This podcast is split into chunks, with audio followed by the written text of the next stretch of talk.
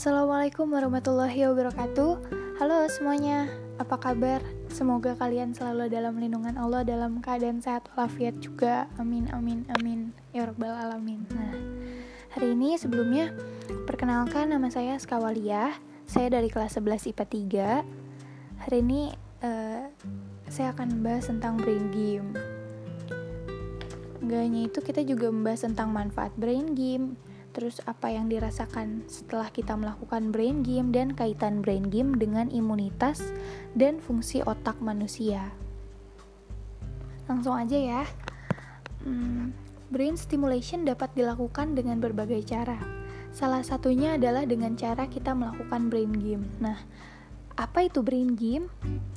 Brain game adalah nama serangkaian latihan gerak sederhana untuk stimulasi otak dalam memudahkan kegiatan belajar atau suatu rangkaian kegiatan yang cepat, menarik, dan dapat meningkatkan semangat saat beraktivitas. Nah,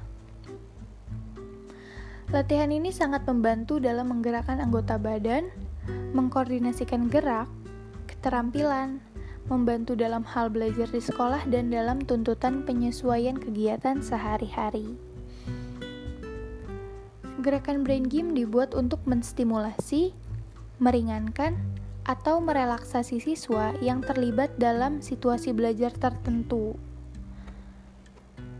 Nah, otak manusia itu kan seperti hologram yang terdiri dari tiga dimensi dengan bagian-bagian yang saling berhubungan secara sebagai satu kesatuan.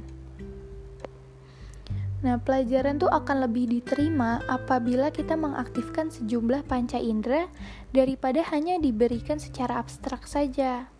Akan tetapi, otak manusia itu juga spesifik kan tugasnya. Nah, untuk aplikasi gerakan brain game ini dipakai istilah dimensi lateralitas untuk belahan otak kiri dan kanan, dimensi pemfokusan untuk bagian belakang otak dan bagian depan otak, serta dimensi pemusatan untuk sistem limbis dan otak besar. Nah, itu tadi uh, sebagian pengertian dari brain game. Sekarang kita masuk ke manfaat brain game. Selain dapat meningkatkan kemampuan belajar, brain game dapat memberikan beberapa manfaat, yaitu berupa yang pertama, stres emosional akan berkurang dan pikiran akan lebih jernih. Kedua, hubungan antar manusia dan suasana belajar atau kerja akan lebih rileks dan lebih senang gitu. Ketiga, kemampuan berbahasa dan daya ingat akan meningkat. Keempat, orang menjadi lebih semangat lebih kreatif, dan lebih efisien. Kelima, orang merasa lebih sehat karena stresnya berkurang dan keenam, prestasi belajar dan bekerja semakin meningkat. Itu tadi sebagian manfaat dari brain game. Sekarang uh, kita masuk ke apa yang dirasakan setelah kita melakukan brain game. Nah, gerakan-gerakan ringan yang melalui olah tangan dan kaki tadi dapat memberikan rangsangan atau stimulus pada otak. Gerakan itulah yang dapat meningkatkan kemampuan kognitif atau kewaspadaan, konsentrasi, dan kreativitas.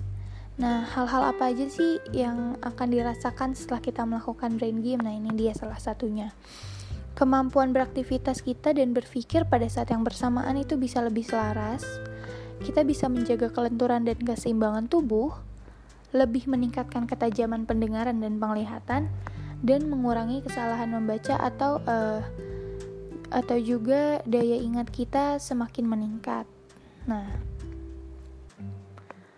sekarang kaitan brain game dengan imunitas dan fungsi otak manusia. Brain game atau senam otak ini dilakukan untuk meningkatkan kemampuan belajar dengan menggunakan keseluruhan otak, karena otak manusia itu merupakan organ yang sangat canggih. Namun perlu usaha juga untuk mewujudkan kecanggihan tersebut, yaitu dengan latihan fisik dan mental secara terkoordinasi atau disebut dengan brain exercise. Nah, hal tersebut juga bertujuan agar otak dapat berfungsi dan bekerja secara integratif. Seluruh bagian otak bekerja bersama-sama dan keseluruhan untuk menstimulus suatu rangsangan. Nah, itu tadi adalah uh, apa ya, kaitannya brain game dengan imunitas dan fungsi otak manusia. Mungkin itu saja. Uh, kalau ada kesalahan, Mohon maaf dan terima kasih telah mendengarkan podcast ini sampai selesai. terima kasih. Wassalamualaikum warahmatullahi wabarakatuh.